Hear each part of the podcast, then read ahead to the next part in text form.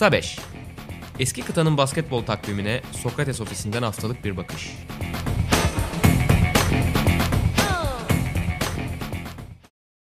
Merhabalar, Sokrates'in Euroleague Podcast'i Kısa Beş'in yeni bölümüne hoş geldiniz. Bu bölümde ben Buğra Balaban, sevgili Utkan Şahin'le beraber yine sizlerle birlikte olacağız. Utkan, e, geçtiğimiz hafta yavaş yavaş oyunları tüketiyorum, oyunlardan sıkılmaya başlıyorum diyordun. Yeni zevkler edindin mi kendine son bir haftada? Yok, bırakmıyorlar abi peşimi. Arkadaşlarım, kötü arkadaşlarım peşimi bırakmıyor. Her türlü geceleri başıma bela almaya devam ediyorlar. Kötü arkadaş çevresiyle oyunlarda izliyorsun. Her gerçi çok da fazla yaratıcı bir çözüm bulamayacağımız bir dönemdeyiz. O yüzden fena fikir değil gibi. Evet. Bu bölümde birkaç takım belirledik. Twitter'dan e, insanları da oylamaya sunduk. Anadolu Efes ve Fenerbahçe Beko'nun yanında yine Euroleague'in gediklisi diğer takımlardan hangilerinin en iyi beşlerini konuşmamızı isterseniz diye. Orada da biraz daha Elgi, Ceska, Real ve Pana üzerine yoğunlaşmıştı. Hem onları konuşacağız hem de vakit kalırsa birkaç takıma daha değinmeye çalışacağız. Onlardan önce bir dergi reklamını ufaktan aradan çıkaralım. Geçtiğimiz hafta unutmuştuk. Sokrates'in yeni sayısı bayilerde daha doğrusu raflarda değil ama dükkan.sokratesdergi.com adresi üzerinden evinize yol yollatabiliyorsunuz. Bunu hatırlatalım. Basketbolla ilgili içerikler neler? Uğur Ozan Sulağan Ertuğrul Erdoğan röportajı var. Çok geniş bir röportaj. Ertuğrul Hoca'nın özellikle Iowa State günlerini de detaylıca anlattığı o röportajı tavsiye edebiliriz. Sinan Güler koronavirüs etkisinde çıktıkları maçları o son birkaç haftalık dönemi anlattı. Ligin tatil olmasından hemen önce. Aynı zamanda da Kaan Demirel imzalı bir Bob Knight portresi var. O da kolej basketbolunun en özel koçlarından bir tanesi, en tartışmalı koçlarından bir tanesi. Bunları önerelim birçok geniş dosyada yine Liverpool kapaklı Sokrates sayısında hepinize tavsiye etmiş olalım. Pekala biz ana konumuza dönelim. Utkan, Fenerbahçe Beko ile arzu edersen en iyi beşleri seçmeye başlayalım. Şunun detayını verelim. Bazen yani sosyal medyada tam anlaşılmamış e, belki benim de e, yanlış yazmamdan kaynaklanmış olabilir. E, sezon sezon beşleri kıyaslayıp en iyi beş seçmeyeceğiz. Bu 20 yılda o takımlarda gösterdikleri performans üzerinden en iyi oyuncuları toplayıp bir 5 oluşturmaya çalışacağız. Yani farklı sezonlardaki performansları da devreye girecek. Pası sana atayım. Senin guard rotasyonunda kimler var? Onlarla başlayalım. Üzerine konuşalım. Valla ben sen pas atmadan önce bir şey değinmek istiyorum. Tebrik ederim öncelikle. Ankette beni e, gömdün. %40'a %60'mış. Şimdi tekrar baktım. Sabonis'e rağmen kaybettik. Yani Yapacak bir şey yok. Gelecek... sempati oyları toplandı. Yani bana gelen yorumlarda da insanlar biraz daha o tarafa doğru kayıyor gibiydi ama sessiz çoğunluk oylamayı bana getirdi. Bodriga seni çok değiştirdi abi. Yani o çok götürdü. Seni, senin tarafına çekti karşılaşmayı. Tebrik ederim. İşte karantina bittiğinde keyifle bir yemek yeriz. Mersi. Mersi. Yani Jelko, Şaras ve Bodirogo üçlüsü biraz ağır bastı. Fotoğrafla da ben evet. güçlendirmeye çalıştım sosyal medyada o algıyı. E, işe yaramış gibi görünüyor. Evet aldım vallahi halka arkana. Konumuza dönersek ya, ya Fenerbahçe ile ilgili işte 2006'da başlayan bir yörük süreci var ve bir kısmı hayal kırıklığı bir kısmı işte Avrupa'nın en iyi takımlarından bir tanesi olan bir süreç. Bu süreçte ben çok arada kaldım. Birkaç pozisyon oldu ama, ama istersen ilk başta ilk 5'i sayayım. Sonra tamam. sen de bir say ona göre konuşalım. Tamam. Ben Dixon, Bogdan, Datome, Bielitsa ve Ekbe'yi seçtim. Bir pozisyonda farklıyız seninle. Bogdan, Datome, Bielitsa ve Yudoh da beraberiz. Ben bir numarayı Willy Solomon'u yazdım. 2008 sezonuna binaen e, Solomon tercih ettim. Senle başlayalım. Dixon seçiminden ben, belki. Evet yani ben de ikisi arasında kaldım. Uzun süre düşündüm. Hatta bir ara Mirsic'e düşündüm ama Mirsic biraz daha yani Euroleague kariyeri şeyde kalıyordu. Çok yaşlıydı zaten o dönem. Yaşlanmıştı artık. Dixon'ı seçmemin sebebi yani CSK finalinin sonunun galiba benim izlediğim en böyle dramatik anlardan bir tanesi olması ve bir gönül bağı olması. İşte Heinz'in üzerinden hep konuşuyoruz Heinz'in nasıl bir savunmacı olduğu. Heinz'in üzerinden kaldırıp arka arka 2-3'lük atıp 20'den e, dönen takımın son noktaya getirmesi. Yani o ölücü darbeyi vurdu aslında Dixon ki şeyi hatırlarsın. Baskonya maçında çok kötü oynamıştı. Doğru. Felaket bir maç çıkarmıştı. Ki zaten kariyeri boyunca yani işte Dixon ilk Fenerbahçe geldiği günlerde de böyleydi. Yani işte Fenerbahçe topçusu değil, Euroleague topçusu değil, küçük takımın oyuncusu olarak dans edildi hep ama buraya geldi işte o meşhur Kimki maçındaki an e, sonrasında hep oluşturduğu güven hep bir taraftara güven verdi. İşte bu geçen gün kötü sezonda bile o Beşiktaş maçında yaptığı hareket bile o Fenerbahçeli taraftarlar arasındaki o bağı gösteriyor. Keza Zalgiris Fenerbahçe Final Four yarı final maçında da aynı şekilde bir son çeyreğe vurup geçmişti ki yani o kaç yaşında bir adamın o seviyede yaptığı etkileyici bir performanstı. Evet ben de Solomon'un hayranıydım küçükken en azından yaşım yettiği bölümde. işte 2008'den bahsettiğin o sene gerçekten tek başına playoff'a taşıdı Fenerbahçe'yi. İnanılmaz bir sezon oynadı. Ki kadronun geri kalanına bakarsanız o sezon işte Fenerbahçe 3 tane 20 yaşında Türk pivotla oynuyor.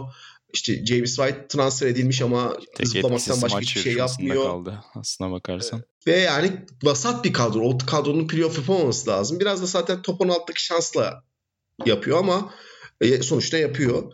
Ama ben Dixon'ın Fenerbahçe tarihindeki yerinin daha önemli olduğunu düşündüğüm için onu ekledim. Geri kalan konuda bilmiyorum sen ne Ya diğer pozisyonlar hakkında çok fazla herhalde şüphemiz yok. Ee, Yani Bogdan Bogdanovic'i zaten 2 ya da 3'ten bir noktada kullanmak gerekiyor. Datome'nin biraz o kültür ve kimlik anlamında da Fenerbahçe'ye çok şey kattığını düşünüyorum. Çok özel bir figür. Yani bu dönemi tartışırken, bu dönemi konuşurken Datome'yi farklı bir noktada hatırlayacağız. Sadece istatistikleriyle değil. Aynı zamanda burada kurduğu aidiyetle, buradaki taraftarlarla arasındaki bağıyla ve tabii ki kort dışındaki karakteriyle.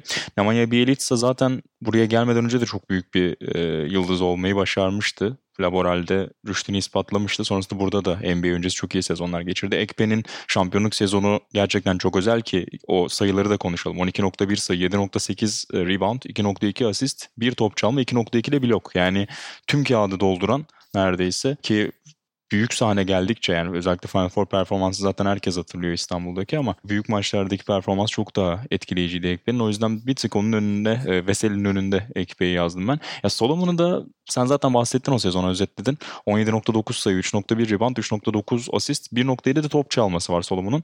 Ki biraz bizde hani buraların iyi topçusu ama Eurolig'in en üst seviyesi için çok da belirleyici oyuncu olmaktan uzak gibi bir algısı vardı Solomon'un ama özellikle 2006 finalini hatırlayınca Maccabi ile Maccabi o finali kaybediyor Ceska'ya ama Solomon'un oynadığı oyun hem savunmada hem hücumda tam sahada aldığı bezdirdiği Papalukas'ın birkaç pozisyon var. Sorumluluk alıp 20 sayı ürettiği bir maç zaten baştan sona. O yüzden aslında biraz daha yani Evet istikrar sorunu vardı. Devamlık sorunu olabiliyordu bazen Willy Solomon'un ama çok da özel bir oyuncuydu bana kalırsa. O yüzden o sezonu biraz hakkını teslim etmek adına ben onu ilk 5'e yazdım. Tabii ki kimleri burada alternatif olarak düşündük? Sulukas'ı almak bir- lazım. Ha, buyur. Ona girmeden bir şeyle ilgili, Solomon'la ilgili bir şey söylemek istiyorum. Geçen gün ben de şey izledim. 2004 Efes Panathinaikos serisi. Meşhur seridir hatırlarsın. Hı hı, Ee. Panathinaikos'un ilk maçta 41 fuar atışı kullandığı, bir de maç sonunun böyle kesildiği, bir anda Yunan televizyonun yayını kestiği bir yayındı ve çok olaylı bir seriydi. O maçın ikinci maçında Solomon inanılmaz bir maç oynuyor. Belki kayıtları da geçen gün bir Twitter adresinde paylaşılmıştı. Görmüşlerdir. Bir crossover var. Yere serdi, bileği kırdı. Maçı ben izledim abi. Yani Oktay Mahmut'u bütün maç şey yapıyor. Pas ver diyor. Hiçbir şey vermiyor ve o gün sahaya kazanmak için çıkmış. Çok açık belli yani. Maç sonu da hakemlerle ta- tartışıyor yani ilk maçı hatırlatıyor. Çok özel bir oyuncu. Ya bir şekilde onu e, yarışmacı kılabilirsen, bir rekabete sokabilirsen gerçekten işleri değiştirebilen bir oyuncu da kariyerin geneli genellikle koçlarla kavga etmek Evet, e, yani ve çok şeyle geçti. koç canlısı değildi onun şüphe yok. Belki de zaten çok daha farklı noktada anılmamasının temel nedeni de oydu. Burada enteresan bir tercih olarak belki Emir'i de konuşabiliriz. Yani Emir Prezic özellikle son 5 yılda çok karikatürize edildi ama 2014 sezonunda acayip bir sezonu var yani. 10.2 sayı, 4.7 rebound, 4.7 asist, 1.1 de top çalması olan bir sezon ki o dönem biraz böyle taşların yeni yeni oturmaya başladı Fenerbahçe'de. İşte Jelko Obradovic döneminin aslında ilk taşları yerine oturtma dönemi. Ve o dönemde her şey böyle havada kalmışken Emir Prezic bayağı aslında takımı bir arada tutan bir parçaydı. Sabah biraz bu beşlere tabii seçmek 20 yıldan 15 yıldan tercih yapmak çok kolay olmuyor. O yüzden akıl danışmak için sevgili Emir Alkaş'a yazdım. Uzun yıllar asistan koç olarak Efes ve Galatasaray'da görev yapmıştı Emir Alkaş ki birkaç ay önce programımıza da konuk olmuştu podcast'te. O mesela ilk beşine Emir'i koyuyor. Yani o sezonki performans hakikaten çok özeldi. Onu da analım en azından. Ya Emir garip bir oyuncu. Şöyle Biraz bir garip bir karakter oyuncu. sözünü kesin biraz karakterinden ötürü hani çok dalga geçilen bir oyuncu ama hakikaten kafası oyundayken yani oyuna verdiği anda kendini o birkaç sezon çok özeldi hakikaten. Evet ya şey hatırlarsın Euroleague'in böyle şey resimleri olur ya yıldızları koyduğu sezon öncesi ya da işte Euroleague TV'yi pazarlamak için sunduğu böyle oyuncular olur. Evet, Emir evet. bir 2010-2014 arasında hep o resimlere giriyordu. Çünkü herkes ondan bir patlama bekliyordu açık konuşmak gerekirse. Ki yani işte Fenerbahçe taraftarı içerisinde de böyle bir yarım kalmış bir hikaye gibidir bir açıdan. Yani e, hep bir takım alıp sürüklemesi, Bodraga gibi olması, işte beklenen oyuncu olması falan beklenirken işte e, sezonun genelinde çok iyi baş, ilk başta çok iyi başlayıp sonra düşüp sezon sonu bir Galatasaray Beşiktaş maçında inanılmaz bir iş yapıp o sezonu öyle bitirmek yani onun genel kariyeri böyle geçti. e, üzücü bir kariyer aslına bakarsan. Yani yeteneklerinden daha fazlasını o, o yetenekte bir oyuncunun, o pozisyonda bir oyuncunun, o tarz özellikleri olan bir oyuncu çok daha fazlasını yapabilirdi Euroleague'de. Geldiğimiz noktada işte 31 yaşında, 32 yaşında kendine kulüp bulamayacak duruma geldi. O açıdan biraz üzücü. Keza ben Final Four senesinde çok kritik katkıları olduğunu hatırlıyorum. İlk Fenerbahçe Final Four senesi kaptandı o sene. Maccabi maçın 3. maçında şut sokmuştu. O, o biraz beni şaşırtmıştı. Çok hatırlarsın çok fazla yaptığı bir şey değildir. Benim de aklıma açıkçası şey çok takıldı. Ben bir Datome ile Mirsat arasında gidip gidip geldim. Evet ben de 4 numara rotasyonu için evet Mirsat'ı yazdım. Performans olarak belki Mirsat'ın verdikleri daha fazla olabilir. Yani şimdi Datome çok sevdiğim bir oyuncu. Çok düşüşleri inişleri olan bir oyuncu bir açıdan da ve yani bazı şeyler de var ama senin söylediğin bir şey vardı. Sağ dışı bir e, imaj açısından yani ben Datome'nin o anlamda Türkiye'ye gelmiş en özel yabancılardan bir tanesi olduğunu düşünüyorum. Ve işte atıyorum bundan 20 yıl sonra da evet burada bir Datome vardı ve çok iyi bir karakterdi. Böyle bir karakter deyip anılacağını düşünüyorum. Çok şey değiştirdi o açıdan ve o yüzden ben sırf yani tabii ki sağ içindeki liderliklerini de göze alarak ama e, en önemlisi hep sağ dışı hareketlerini düşünerek onu ilk 5'e aldım. Ben de çok benzer şekilde düşündüm. Mirsad'ın özellikle 2009 sezonu çok özel ki yaşı da 33 olması lazım. 33-34 yaşında işte 15.4 sayı 8.6 rebound aldığı bir sezon var. Ondan önceki birkaç sezonda yine etkileyici performansları var. Onu belki Ceska'da da ufak parantez açarak konuşuruz program ilerleyen bölümünde ama Mirsad en azından bu tartışmada olmayı hak ediyor. Veseli evet. zaten MVP sezonuyla 2009 aslında hem Sulukası hem Veseli buraya biraz daha dahil edebilecek, o tartışmaya sokabilecek sezonlar. Ama ben biraz daha Ekpe ve Solomon tarafında e, tercihlerimi yaptım. Boyan Bogdanovic'i analım. Onun da yine 16 sayı ortalama yaptığı bir sezon var. %40'ın üzerinde üçlük soktuğu 2013'te. Onu almadan geçmeyelim. Biraz daha o ilk sezonları 2006-2007'lere döndüğümüzde de benim aklımda kalan tek oyuncu oldu. O da Kaspars Kambala. O da yine böyle 16 sayı 5 rebound civarında ortalamalar tutturduğu bir sezon var ama tabii o dönem daha yeni yeni her şeyin başladığı aslında şu anki dönemiyle baktığımızda Fenerbahçe için. Tabii tabii Fenerbahçe olduğu için hep... çok ekstra belki değerlendiremeyiz o performansları. Ya ben Marco Thomas'ı koyabilirim. Ben çok severdim Marco Thomas'ı. Çok özel bir oyuncuydu. Sakatlıkları onu. Sakatlıkları biraz işte kariyerini aşağıya çekti. Ki işte o 2010 senesi meşhur Saras'ın Litvanya'da kötü maç geçirdiği olmasa e, ya da işte Roko Ukic hastalanmasa Fenerbahçe o sezon playoff oynayacaktı. Keza ben Ukic'i de düşündüm. Çünkü yani evet, Fenerbahçe ben... taraftarı kötü bitirdiği için kötü hatırlıyor olabilir ama bir ilk bir buçuk sezonu o NBA'den geldi ilk bir buçuk sezonu gerçekten çok iyiydi bence. Hı hı. Katılıyorum evet. Ben de yani düşündüm. Çok ciddi şekilde ilk 5 için olmasa da en azından alternatifler arasında almamız gerektiğini düşündüm onda. Evet bence de e, Veseli'yi de almamamın sebebi şu yani Veseli alırsak yani bence Ekbe tartışmasız 5 numarada olması gereken bir oyuncu ne olursa olsun. Çünkü işte yani bilmiyorum tekrar Euroleague'e dönecek mi? Bu aralar çok konuşuluyor biliyorsun kendisi de söyledi. Kendisi de Ama hatta. dominantlık açısından ben onun şeyini hiç unutamıyorum. O sezon yani bahsettiği sezon istatistikini verdiği sezonun başında kendisinin bir bloğu vardı hatırlarsın yazılar yazıyordu arada sırada oraya. Hı hı, evet sezonun başında şey yazmıştı. Bu ligin en iyi oyuncusu Nando De Colo ve sezon sonundaki en büyük hedefim Nando De Colo'dan daha iyi oyuncu olmak demişti. Bunu çok görüyoruz belki ama yani bu kadar bir hedef koyup bu hedefi gerçekleştirme açısından gerçekten özel bir sezonu ki o Real Madrid playoff e, Final Four yarı final maçında triple double'ı biraz asistle falan kaçırdı. Yani çok özel bir performans sergiledi. Ki Obradovic'in ağzından çıkan kelimeyi de hatırlarsın. Şey dedi yani ben hayatımda bu kadar odaklanmış bir oyuncu, devamlı olan bir oyuncu hatırlamıyorum demişti. Ki kimlerle çalıştı yani.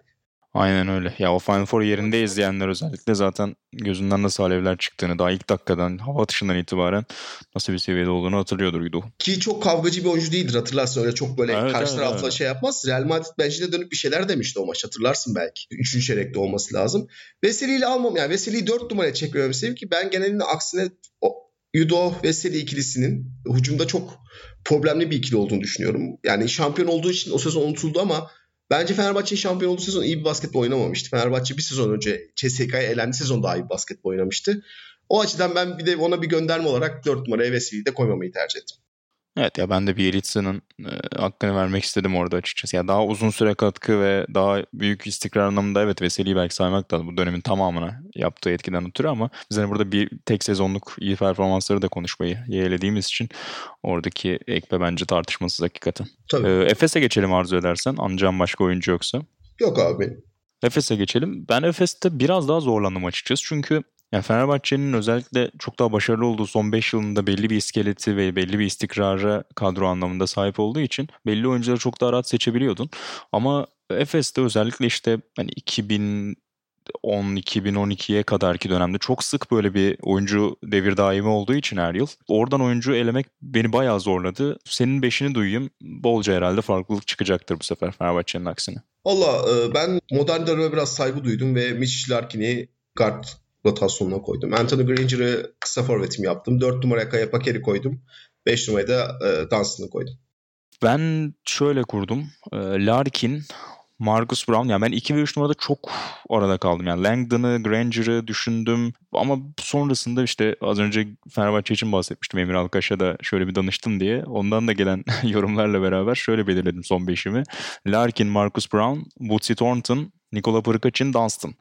Yani sadece tabii spacing ve takım kimyasını bir kenara bıraktım burada biraz. Çünkü hani hem Dunstan'ı kullanmak biraz alanı zorlayacaktır benim için ama ya küçüklüğümde benim en etkilendiğim oyunculardan bir tanesiydi Nikola Pırkaç'ın. Alçak postta oyun kurmak e, deyince benim aklıma hep o gelir. Hala e, onu hatırlarım. Ki yanılmıyorsam Kerem Gönlüm bize podcast'ta anlatmıştı. Küçüklüğünde onun bir su topu geçmiş olduğu için Pırkaç'ın çok tuhaf açılar görebiliyordu. Yani bileğini çok tuhaf oynatabiliyordu ve topu o yüzden çok farklı noktalara farklı şekillerde yollayabiliyordu diye. Hiç beklemediğiniz açılardan top topun size geleceğini bilirdiniz demişti Pırkaç'ın için. Ve hakikaten izlemek çok büyük keyifti bana kalırsa. O yüzden Bence de Pırkaç'ını bir kenara bırakamadım. Dunstan'da seninle aynı fikirdeyiz galiba.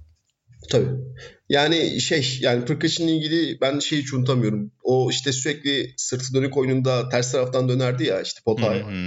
O kadar hızlı dönüyordu ki aslında çok hızlı da bir oyuncu değildi. Belli de öyle çok e, şey ince bir oyuncu da değildi. Ama o kadar hızlı ve doğru anda dönüyordu ki hiçbir savunma bunu durduramıyordu. O açıdan gerçekten çok zeki bir oyuncu. İşte bütün posta yönetebilen bir oyuncu dediğin gibi anlattığın gibi. Özel bir oyuncuydu ama ben Şimdi sen bana yayın öncesi söyledin çalmak gibi olmasın diye çalamadım. o yüzden yapamadım. O yüzden kaldı. Kaya mesela benim bildiğim Efes kariyeri çok iyidir bence. Çok. Şeyi Ki... söyleyeyim bu arada bir ufak parantez. Emir Alkaş'ın 5'inde 4-5'te o Pırkaç'ını 5'e çekip Kaya'yı koydu mesela. Yani 4-5'i Kaya Pırkaç'ın gibi yaptı. Ya Kaya ya Savanovic'i kullanırım dedi. İkisinden biri ve Pırkaç'ın diye koymuştu. O yüzden Kaya onun da yine değerlendirmesi içinde vardı deyip sana bir kez daha atayım. Kaya Peker yanlış hatırlamıyorsam e, bir Türk takımdan ilk defa Euroleague'de ayın MVP'si seçilen oyuncu. Hı hı. Ya da ilk Türk oyuncu ikisinden bir tanesi ama çok özel sezonları vardı. Bir onda tabii kariyeri hep aynı seviyede gitmedi ama genel toplamda baktığımızda ben geçen gün bir şey için araştırırken çıkardım.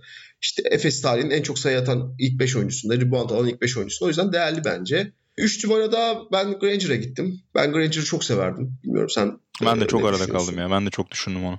Çok özel bir oyuncuydu. Ama Thornton'u anlıyorum. Özellikle işte 2008 final Türkiye Ligi finalinde çok özel bir performans sergilemişti ama ben Granger'ın şey performansını unutamıyorum. O hakada Panathinaikos tek başına yıktığı bir maç vardır. Gerçekten inanılmaz oynamıştı. O performans hep benim böyle kafamda onun yerine hep yaptı. Onun için ben kadromda tuttum. O da Efes tarihinin ilk 900 sayı geçen oyuncusu Euroleague'de. O böyle küçük küçük ayrıntılarda onu seçtim. Larkin Miçic ile devam ettim ben. Ee, şeyi de anlıyorum. Ne o? Marcus Brown'u anlıyorum. Geçen podcast'te konuşmuştuk hatırlarsın. Ben evet, onun, o da çok... Özü, evet evet. Ya özellikle 2003 sezonu çok acayip onun da. O 20 sayıya yakın bir sayı ortalaması. 2.6 asisti 1.3 top çalmasıyla. Meşhur bir Barcelona Efes maçı vardır. Geçen gün onun kaydını buldum gene ben.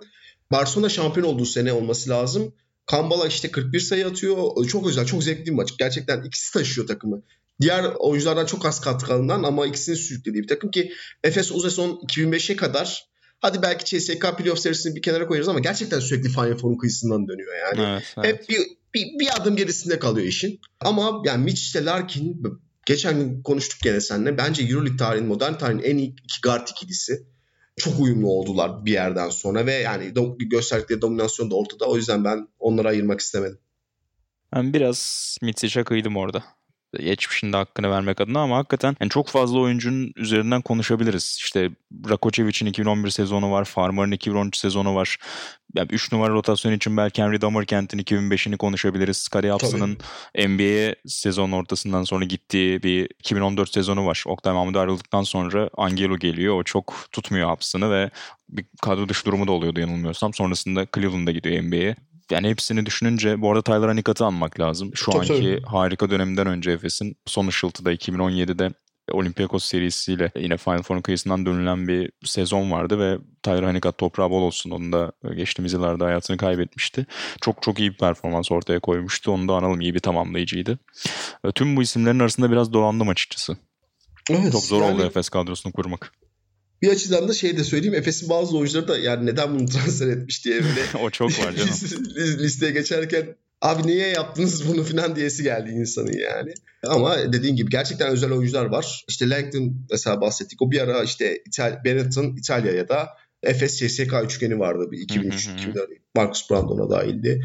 Önemli oyuncular geldi. O hala da geliyor. O açıdan evet dediğin gibi çok fazla seçenek vardı Efes'te. Fenerbahçe göre daha fazlaydı.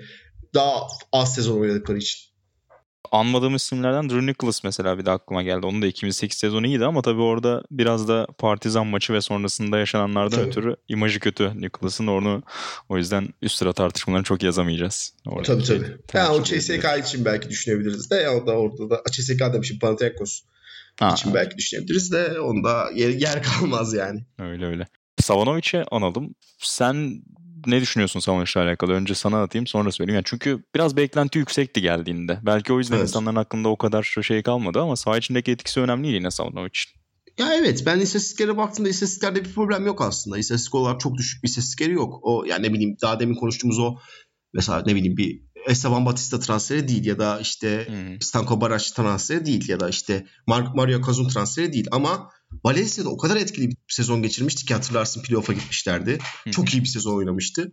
Çok büyük bir beklentilerle geldi buraya. Yani buraya işte Efes'i o aradığı dört numara olarak geldi ama sahadaki varlığı o kadar etkili olmadı. O açıdan ben mesela hiç düşünmedim dört numara listesine onu koymaya. Beklediğim daha fazlasını bekliyordum kim galiba. Onun için bir hep böyle bir ağzında kekremsi tat kaldı.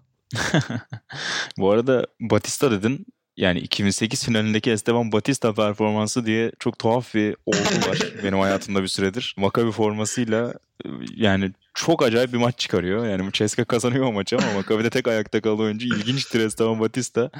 En azından bir ilk yarısını o maçın izlesin. Ee, buna şaşıranlar tuhaf bir Batista görecekler orada.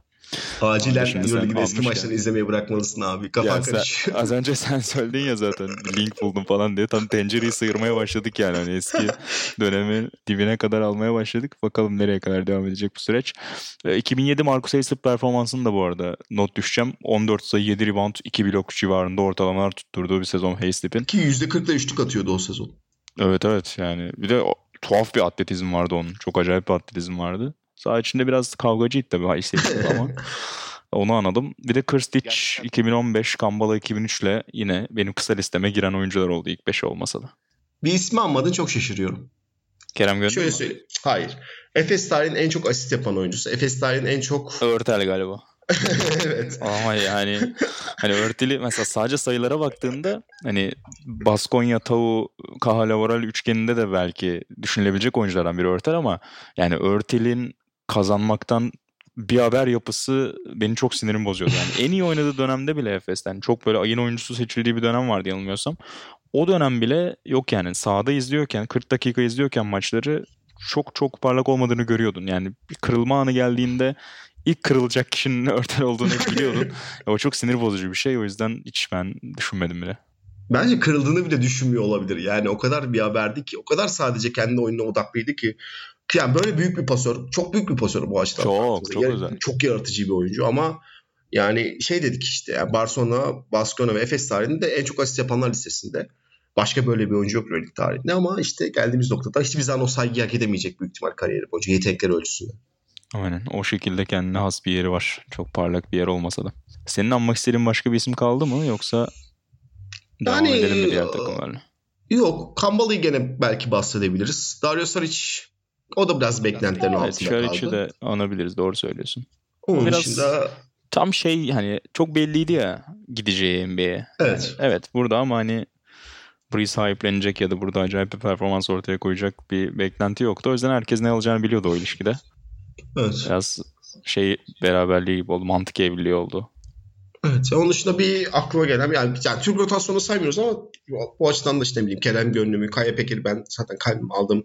Kerem Tuğçerisi gidip gidip geldiler bunlar. Ender Aslan'ı hep yani bir takımın parçası oldular bu takım. Bir parça Ermel Kuçosu. Hep bu takımın parçası oldular yani. Tabii onları da almak gerekiyor ama biraz daha hani sayı odaklı, istatistik odaklı baktığımız için biz biraz daha yabancılara odaklandık tabii. Tabii. Peki devam edelim. Ee, diğer hangi takımlardan hangilerini konuşmamızı istediğinizi sormuştuk sosyal medya üzerinden. Orada biraz daha işte Final Four'ların geliklisi olan dört takımı ön plana çıkardık. Ee, onlar Ceska, Real, Pana ve Oli'ydi. Ben şaşırdım açıkçası Olympiakos'a çok az oy çıkmasına. Ben daha çok e, oy alır diye bekliyordum ama daha çok e, %30 civarında alan 3 takım oldu. Onlar Ceska, Real ve Panathinaikos'tu. Onlarla başlayalım.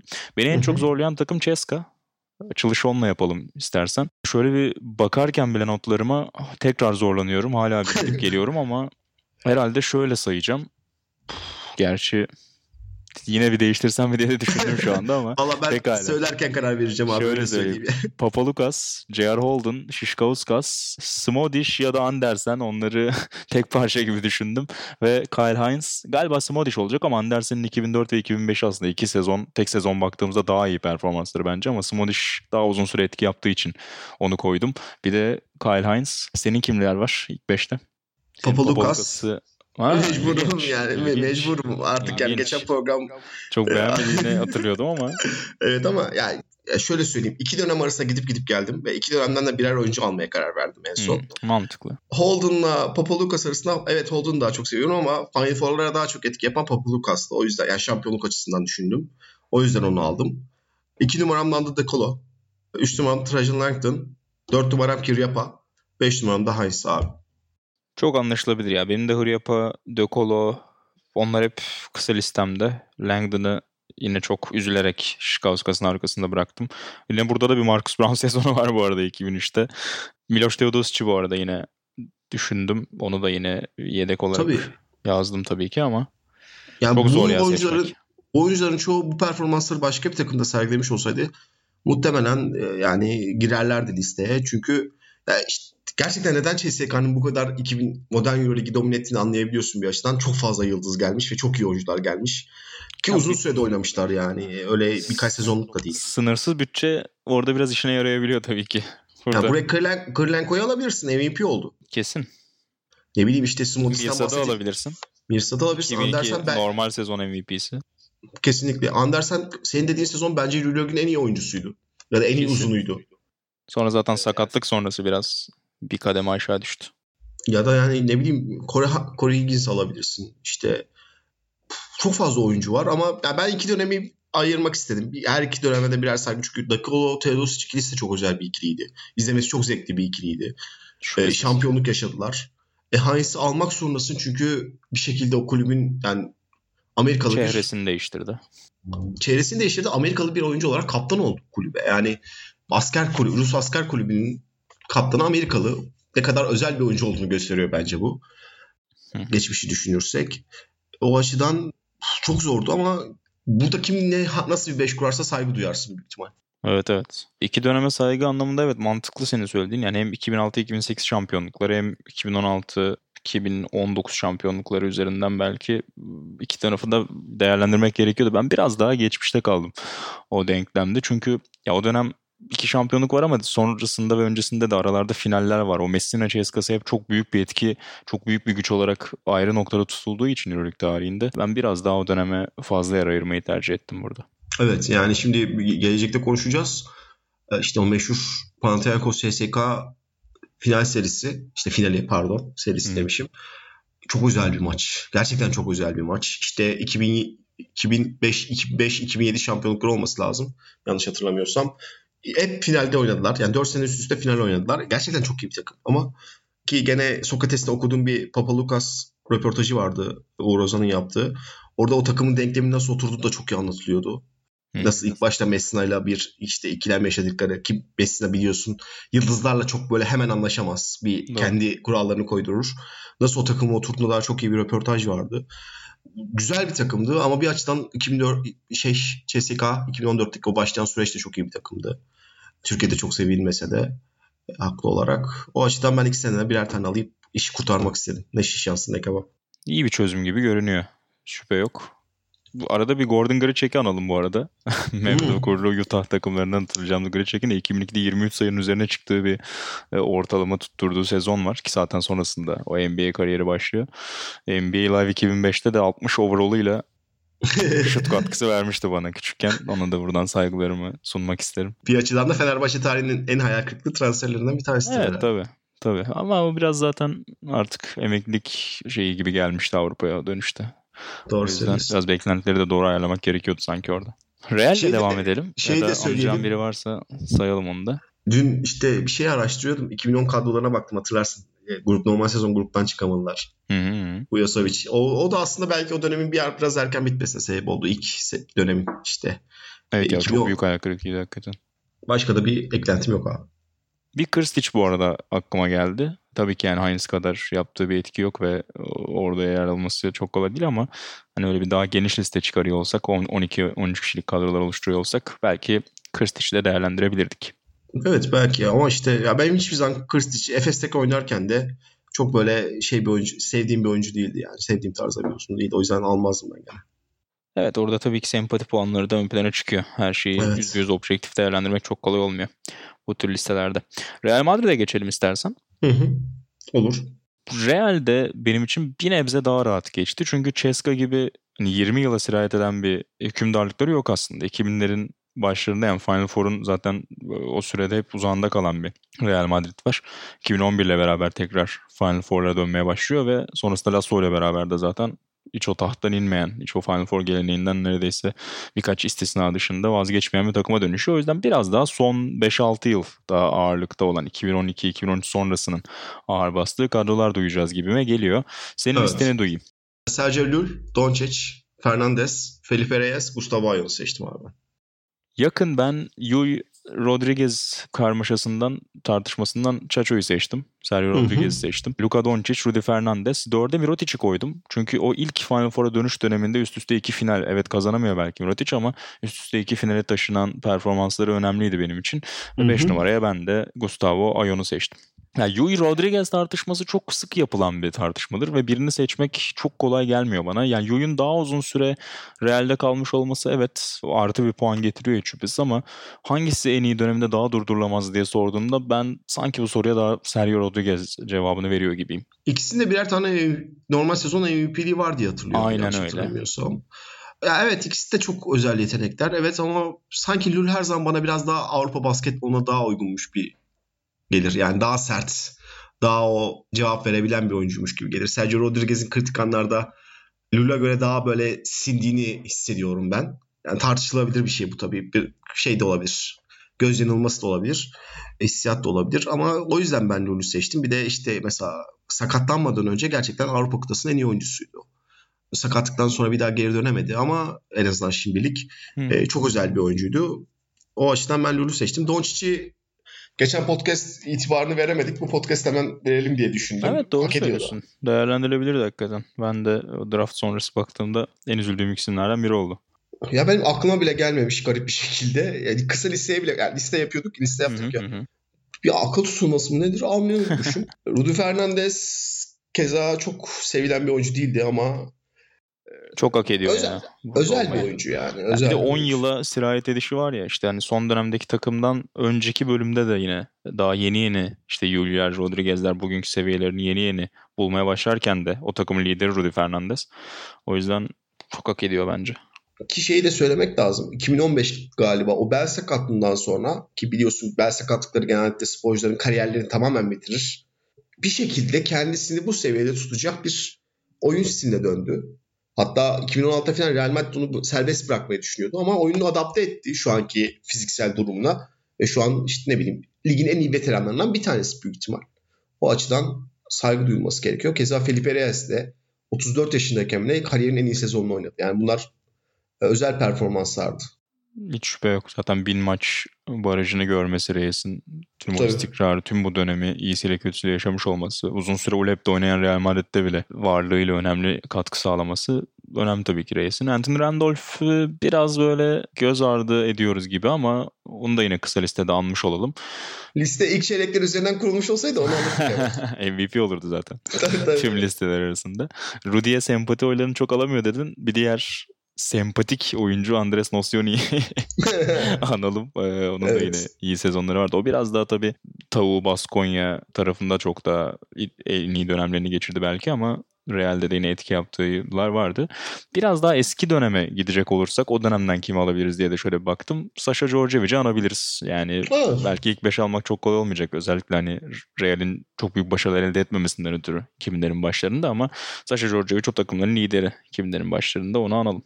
Ben şey şaşırdım yani Ion'u ilk seçtim bilmiyorum belki sen de öyle hissetmişsindir. Ion'u seçtiğimde sanki birisini unutuyormuşum gibi geldi. Çok böyle radikal birisini unutuyormuşum gibi geldi ama Sonra öyle aklıma hiç evet ya Ion'dan daha iyi kariyeri var diyebileceğim Real Madrid üzerine konuşuyorum. Bir 5 numara gelmedi. Evet bana da öyle yani hani Barça öncesi Tomic'in değerlendirilir mi ya da Tavares son iki sezonda ne kadar büyük etki yaptı işte onları konuşabiliriz ama ben ne bileyim ya Tavares savunma tarafında çok farklı şeyler getiriyor çok eşleşilemez bir oyuncu haline gelebiliyor iyi günlerinde ama ben çok belli zaafları olan oyuncuları çok sevmiyorum. O yüzden Tavares'i çok değerlendirmedim açıkçası. Bir de Ion'un iyisi hakikaten çok iyiydi ya. Çok zeki bir oyuncu Ion. Bakma şu an hani biraz Zenit şeyi insanların aklında ya da Real'deki son sezonunda biraz daha azalan rolü akıllarda ama iyi dönemlerinde Ion durdurulamıyordu hakikaten. Kesinlikle öyle. Hatta bence şu an Real Madrid arıyor bile biraz. Yani o uz- geniş uzun rotasyonda Ion tarzında bir uzunu gerçekten arıyor. Çünkü bir uzun gibi de değil bir yaratıcı bir uzun olduğu için Kesin. çok şey değiştiriyor. Sağ görüşü pas özelliği de mesela bir uzuna göre çok gelişmiş Dayon'un. İşte sorun çıktığında orta mesafeden üretebiliyor olması, alçak post oyunları, zenginliği özeldi Ayon'da. Hı hı. Var mı eklemek istediğim bir şey yoksa Pana'ya geçelim abi. mi? Geçelim abi. Panathinaikos'a devam edelim. Orada da Real'in aksine biraz daha ilk 10 yılda daha fazla aslında adayın olduğu. Son dönemlerde biraz daha o ihtişamın kaybolduğu bir dönem var. Ben başlayayım bu sefer. Diamantilis, Kalates, Bodiroga, Fotsis ve Batist seçtim. Bir tek Kalates'te çok böyle arada kaldım. Yani oraya Spornis'in performansı girebilir. Mike James'in iki sezonu düşünülebilir. İbo'nun İbrahim Kutluay'ın Final Four etkisi o 2002 şampiyonluğundaki rolü şöyle bir değerlendirmeyi hak ediyor en azından. Orada biraz arada kaldım ama son listem böyle oluştu. Ben Sporlis aldım finalistlere yani. Ee, NBA ben öncesi karar... sezonu çok iyiydi özellikle Sporlis. Evet. Ee, ve şeysiz sezonda da o 3 kartlı sezonda da 2009. maçı, get 3 maçı getiren oyuncu Sporlis bence. O açıdan onu es geçmek istemedim. Diğer konularda zaten bence konuşmaya bile gerek yok. Diamantis Batis zaten döneme damga vuran iki oyuncu. Bodiroga şampiyonluğu getiren e, aslında hani 2001 sonrasında konuştuğumuz için biraz daha öncesini kaçırıyoruz ama Barcelona öncesi kulübün çehresini değiştiren oyunculardan biri Bodiroga'da. Kesin 2002 şampiyonluğu bir çok büyük bir olay bence. Yani galiba yanlış bilmiyorsam Euroleague tarihinde ilk defa ev sahibi takım şampiyon olamıyor. Ki önceki senenin şampiyonundan oturmuş takımdan bahsediyoruz Virtus Bologna'dan. Messina'nın Bologna'sında. İbrahim Kutay'ın bir röportajını dinlemiştim. O sezonun ortasında bütün Yunanistan basını şey diye konuşuyormuş. Yani bu takım ligde bile şampiyon olamaz. Ne Euroleague tarzı açıklamaları varmış. E, kötü bir sezon içerisinde oradan oraya geldiler ki e, iki kadro arasında gerçekten büyük bir kalite farkı var bence. Modriga'ya rağmen. Mike Batistikes'in. Antonio Fossis benim çok sevdiğim bir oyuncuydu. Belki kariyeri hiç çok yüksek bir perdede geçmedi. Yani böyle yıldız oyuncu, takımın taşıyan oyuncusu olarak geçmedi ama çok çok iyi bir tamamlayıcıydı.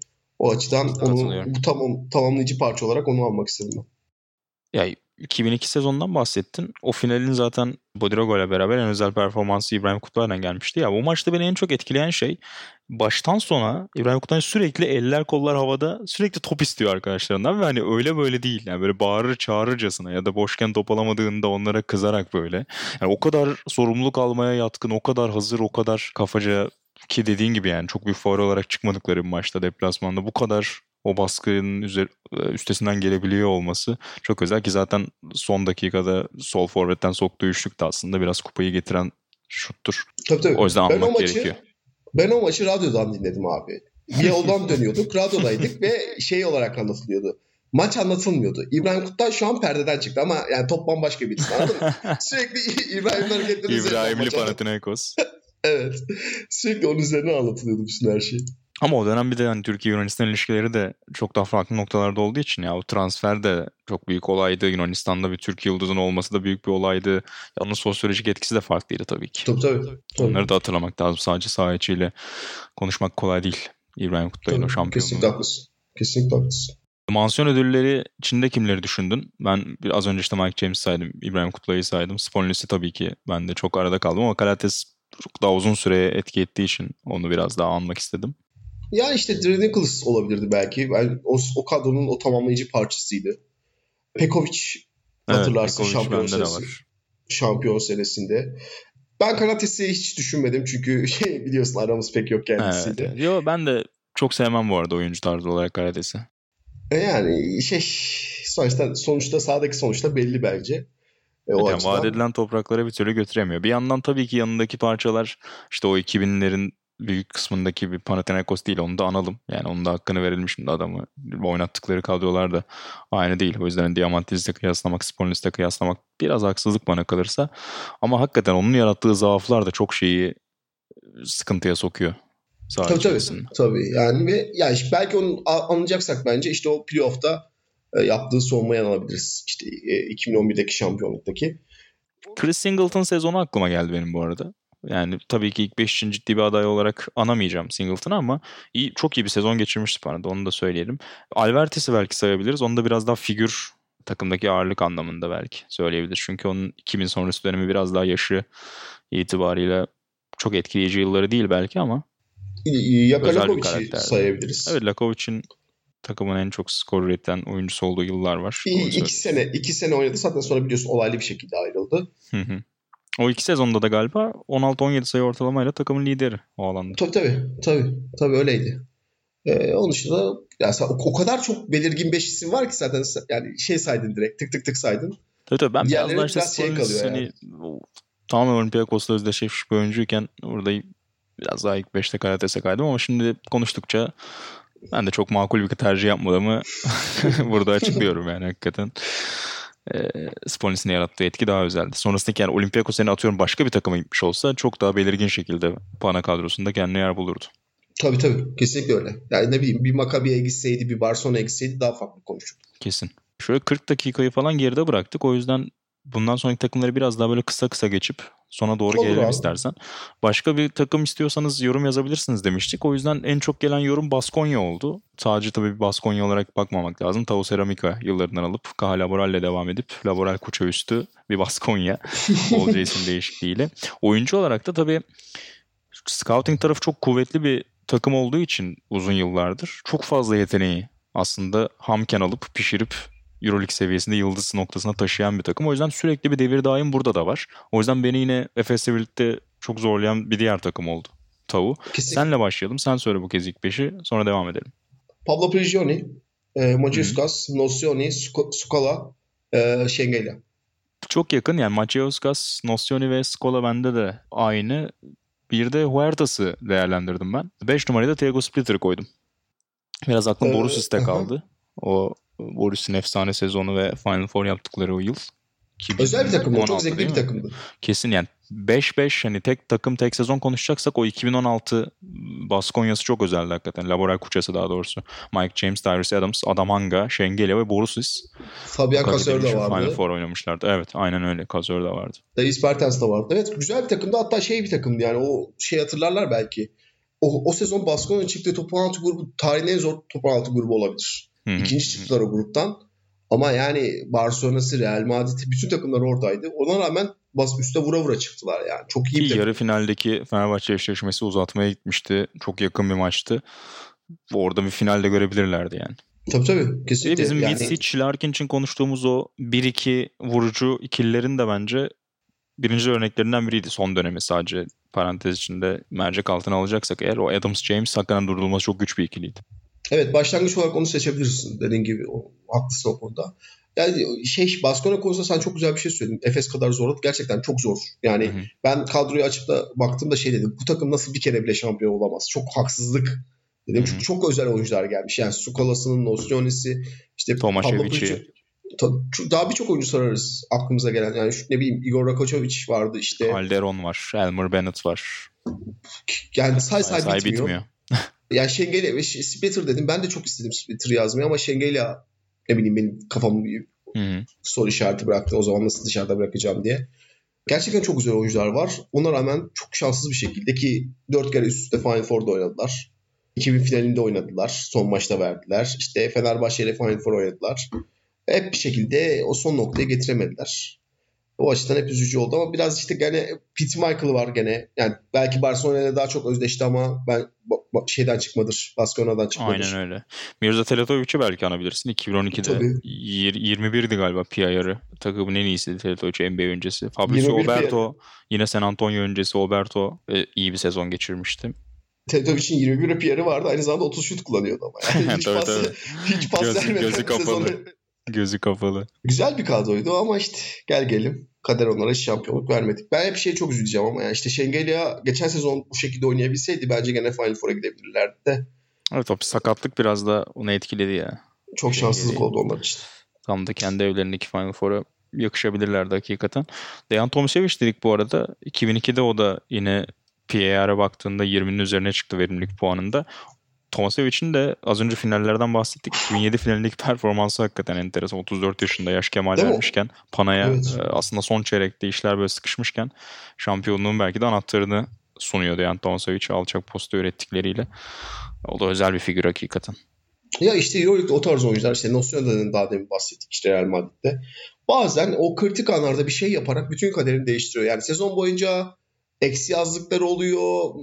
Doğru oyuncu mu dediğin oluyor. Endişe duyuyorsun. Keza bence Peruantic de öyleydi Fenerbahçe'de. Ama bir yerde bir şey yapıp sana sezonun en kritik noktasında işi değiştirebiliyorlar. O açıdan çok değerli oluyorlar yani.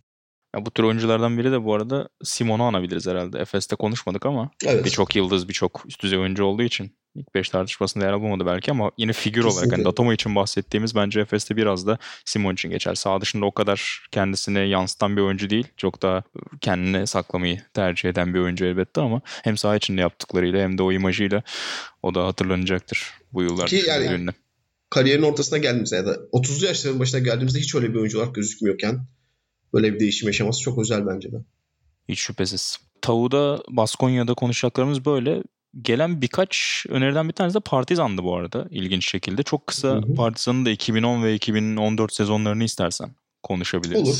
Ayrı ayrı takımın tüm performansına bakmak yerine 2010'daki o Final Four sezonu birçok insanın aklında. Onunla başlayabiliriz istersen. Yani Zalgiris'i bir söyleyebiliriz herhalde öyle peri masal olarak Hı 2017'deki. hı. Bir de o Partizan çünkü yaş ortalaması oldukça düşük ve işte hiçbir şekilde beklenmiyorken o noktaya çıktılar. İşte Alex Mariçler, Yan Veseliler. Alex Maric'in de yani çok acayip bir sezonuydu hakikaten o. tabii, tabii. Tuhaf Ondan sonra oyuncuydu o da. Ondan sonra Panathinaikos'a gitti galiba yanlış hatırlamıyorsam. O sezondan ardından Hı. yanlış mı hatırlıyorum? O- Olabilir. Tam olarak bakmam lazım. İşte ne bileyim çok farklı yani beklenmeyen Yan Veseli. tabii tabii oradan çıkma. Biraz top 16'da şans eseri çıktıkları diye hatırlıyorum. Yanlış hatırlıyorum. Yani tam olarak sezonu hatırlamıyorum ama playoff'ta 4-3 bile geçtiler. Sonra Final Four'a geldiler. Ee, özel bir başarı. Gerçekten özel bir başarı ama bence ben bir takım seçiyor olsam onların 2013-14 sezonundaki kadrosunu seçerdim. Çünkü oradan işte belki geçenlerde görmüşsünüzdür. Birçok oyuncu NBA'ye gitti. Bir resim çekilmişlerdi hatta. Ya da Avrupa basketboluna damga vurdu. Yani kadroyu sayayım. İşte Geoffrey Loven çok sevilmese de şu an. E, Leo Westerman, Miltinov, Bogdan Bogdanovic, Terence Kisi, Davis Bertans, işte e, Miljosevic vardı Dragan. Bence o en iyi, benim en çok sevdiğim oydu ama o sakatlıklar ona izin vermedi. Hı hı. Çok iyi bir kadroydu. Çok özel bir kadroydu ama yani yolları erken kesildi. O da son Dejan. Mozi de enteresan bir oyuncuydu. Sonrasında bir Euro Cup gediklisi haline dönüştü. Evet evet. Yani doğru söylüyorsun. Müslü de vardı. İyi bir kadroydu. Güzel bir kadroydu. Hatta ben onların CSK maçı vardı. İçeride yendikleri bir CSK maçı. O maçı hiç unutmam o, o açıdan. İyi bir kadroydu. Zaten çoğu da sonradan kariyerlerini yukarıya doğru çektiler. Aynen az önce Alex Maric'ten bahsettik bu arada. Senin dediğini kontrol ettim. Evet Panathinaikos'a gitmişti sonra. Sonra onu Galatasaray'da da izleme şansı bulduk ama artık neredeyse ayaklar yere sabitlenmiş haldeydi. Maric Galatasaray'a geldiğinde çok çok artık yavaşlamış hareket etmekten epey uzak bir hale gelmişti Maric. Ama o sezonun ekmeğini bayağı yedi sonrasında. Tabii tabii. Kariyerini onun üzerinden kurdu. Kariyerini Tabii, onun üzerinden kurdu. Maccabi falan yaptı. O özel bir sezonda o yüzden. Barcelona da yine gelen önerilerden bir tanesiydi ama ona biraz daha uzun vakit ayırmak lazım. Şu an çok fazla vaktimiz kalmayacak gibi. 2003 ve 2010 sezonlarını ayrıca anabiliriz. Orada da iki özel takım çıkaracaksak şampiyonluk sezonlarını. 2003'te işte çok daha genç Navarro'nun olduğu biraz daha Saras ve Bodiroga yıldızlığında şampiyonluğa giden kadro. 2010'da da işte sen az önce bahsettin biraz Pete Michael'dan. Hakikaten Michael'ın çok çok iyi bir maç çıkardığı o 2010 finali işte içeride Boniface Hendong'un olduğu. Evet. Biraz daha şeydi. İki takım kadrosunda bence çok büyük bir kadro kalitesi farkı var 2003 ve 2010'a göre. Sen de büyük ihtimalle düşünüyorsundur. 2003 biraz daha böyle yani duruma göre değiştirebilirsin ama sanki büyük üçlü tarzı bir takımdı. Yani işte Navarro ya da Sponis, şey, Sponis demişim Saras ya da Bodriga ve şeyle beraber Fuçka ile beraber bir üçlü. 2010 ise daha böyle Navarro'nun kesin bir liderliği, kesin bir süperstar. Hı hı hı. Arkasına çok iyi kurulmuş görev adamları. Yani Pete Michael iyi bir oyuncuydu. Erazom Lorbeck üst seviye bir oyuncuydu ama yani şey 2003'e göre öyle bir farkları var bence sınıf açısından. Rubio Çok çok, daha net- gençti. Onu Tabii, söyleyebiliriz. Çok daha net bir lideri vardı bu takımın. Çok keskin bir lideri vardı ondan sonra. Ama o mesela ben hep söylerim. Ben Xavi Pascal'ın o meşhur playoff serisini vermese gerçekten özel bir kariyeri olacağını düşünüyorum. O playoff serisi işte. Obradovic'e verdiği playoff serisi bütün kariyerini alt üst etti ki bir geçen gün bir işte karşılaştırma ka- denk geldi. İspanyol bir gazetesi yazmış. O final playoff öncesi. İşte Obradovic'in tatlını alacak. Obradovic'in işte bütün şeyini bitirecek, dönemi bitirecek koç olarak öne sürmüşler. Katalan gazetesi. Onun için biraz normal ama yani böyle bir iddialarla çıkıyor sonuçta playoff serisi ama işte ka- kariyer onu bu noktaya getirdi. Çok iyi bir takımdı o Barcelona. Hatırlarsın. Normal sezonları asla karşılaşmak istemeyeceğim bir takımdı. Bir şekilde hem çok iyi savunma yapıyorlardı hem de ucunda asla durduramıyordun. Zevkli Evet bir evet ya özellikle savunma tarafı çok öne çıkıyor. Yani finalde zaten bunu görebiliyorsun. Finalde Olympiakos'ta oynuyorlar. O yıl ki o Olympiakos kadrosu çok çok iyi bir kadro. Kleyza'nın sayı kralı olduğu, Teodosic'in 22 yaşında MVP olduğu bir kadro. Sofo yine gücünün üst sınırlarında artık son iyi dönemlerini geçiriyor. Sofoklis, Skortsianitis, Papalukas var. Yani çok çok iyi bir kadro o. Josh, Josh Childress var mıydı? Aynen öyle. Josh Childress var keza ki nasıl bir kontratla geldiğini hatırlıyordur. çok izleyen büyük ihtimalle. Ama onları bile acayip bastırıyorlar. Ha bu arada Pat Beverly de var o kadroda. Onu da analım çok küçük bir rolde ama şu an NBA'de çok da saygıdeğer bir rolde. Ee, onları o savunma baskısıyla acayip yıldırıyorlar. Fran Vasquez fenomenini oradan yine konuşabiliriz. Yani kenardan geliyordu. Endongu niye değildi Vasquez ama o dönem ilginç bir hype'ı vardı. Uluslararası turnuvalarda yaptığı etkiyle de beraber. Fran Vasquez'in işte Bill Simmons'lar böyle Amerika basını falan çok büyük bir oyuncu geliyor diye düşünüyordu. Finalde iyi oynamıştı bu arada. 4-5 bloğu var. Ee, Savunmadaki o etki de onun da anını sayalım. Victor Sada'nın yine savunma katkısı. Kendisi şu an Euroleague tarihinin en çok blok yapan oyuncusu bir şekilde. Yani zaten ekmeğini ondan yedi. 13. sıradan seçilmiştik ve Orlando'yu hep reddetti diye hatırlıyorum. Hep Orlando onu 13'ten seçti. Hep eşim gelmek istemiyor diye reddetti diye hatırlıyorum. Ee, ya da gerçek ortaya çıkmasını istemedi. İkisinden Fena bir karar değil ya hakikaten aynen öyle. Bence burada saygıdeğer bir kariyeri oldu. Daha sonrası Euro Cup'ta. Ee, Victor Sada, Victor Sada var mıydı o kadroda? Evet evet. Ki sezon boyu sezon boyu böyle iki sayı ortalama falan tutturduğu bir sezonu yanılmıyorsam Victor Sada'nın ama finali öyle bir oynuyor ki hem böyle kritik yerlerde el üstü şutlar falan sokuyor Sada Kariyer, ve etki tam kariyer, böyle bir İspanyol şeyi yani dokunuşu Sada'nın final Tabii. performansı. kariyer sayı ortalaması bu kadar düşük olup da bu kadar büyük etki yapan başka bir oyuncu olmayabilir herhalde. Kesin kesin. Çok enteresan da hakikaten o da. Ve Bas Basile'yi saymıyorduk bu arada. O da yavaş Aa, yavaş tabii, kariyerinin tabii. sonuna doğru gelirken. Yani Euroleague tarihinin en iyi İtalyan oyuncularından bir tanesi geçtiğimiz Tabii, günlerde de tabii. zaten. Bir bahise açılmıştı bu konunun. Orada çok yaşlı zaten. Basile 35 yaşında yanılmıyorsam. 2010 finalinde. Ama orada da e, çok iyi bir tamamlayıcı olarak Rubio ve Navarro ikilisinin önünü açıyor. Hücumda şutör Evet. olarak.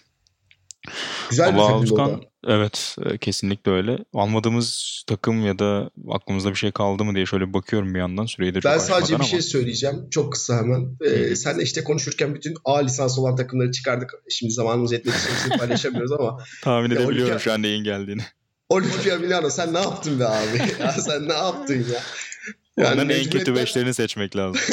Ya bir şey söyleyeyim mi? Mecburiyetten 13 maça çıkmış Galinari'yi koymak zorunda kaldım. Öyle söyleyeyim sana ya. Onları da belki ayrı bir konsept yaparız ileride. Olabilir. Felaket beşler diyerek. Pekala Utkan ağzına sağlık. Epey tempolu geçti yine bu yayında. Hı hı. Ee, teşekkür ederim. Önümüzdeki haftalarda da yine yeni bölümleriniz devam edecek. Önümüzdeki hafta için aklımızda Euroleague tarihinin iyi Amerikalılarını konuşmak var. Sizler de eğer bölümün bu noktasına kadar geldiyseniz tavsiyelerinizi, önerilerinizi bizlere yazabilirsiniz. Gerek Amerikalılar e, kapsamında gerekse de şu konuları da konuşsanız iyi olur şeklinde önerileriniz varsa gerek bana gerek Utkan'a sosyal medya üzerinden aktarabilirsiniz. Sokrates Podcast'i takip etmeye devam edin. E, Kısa Beşi Apple'dan, Spotify'dan ya da SoundCloud'dan nereden dinliyorsanız eğer oradan takip etmeyi sürdürün. Önümüzdeki haftalarda yeniden buluşmak üzere. Hoşçakalın. Hoşçakalın.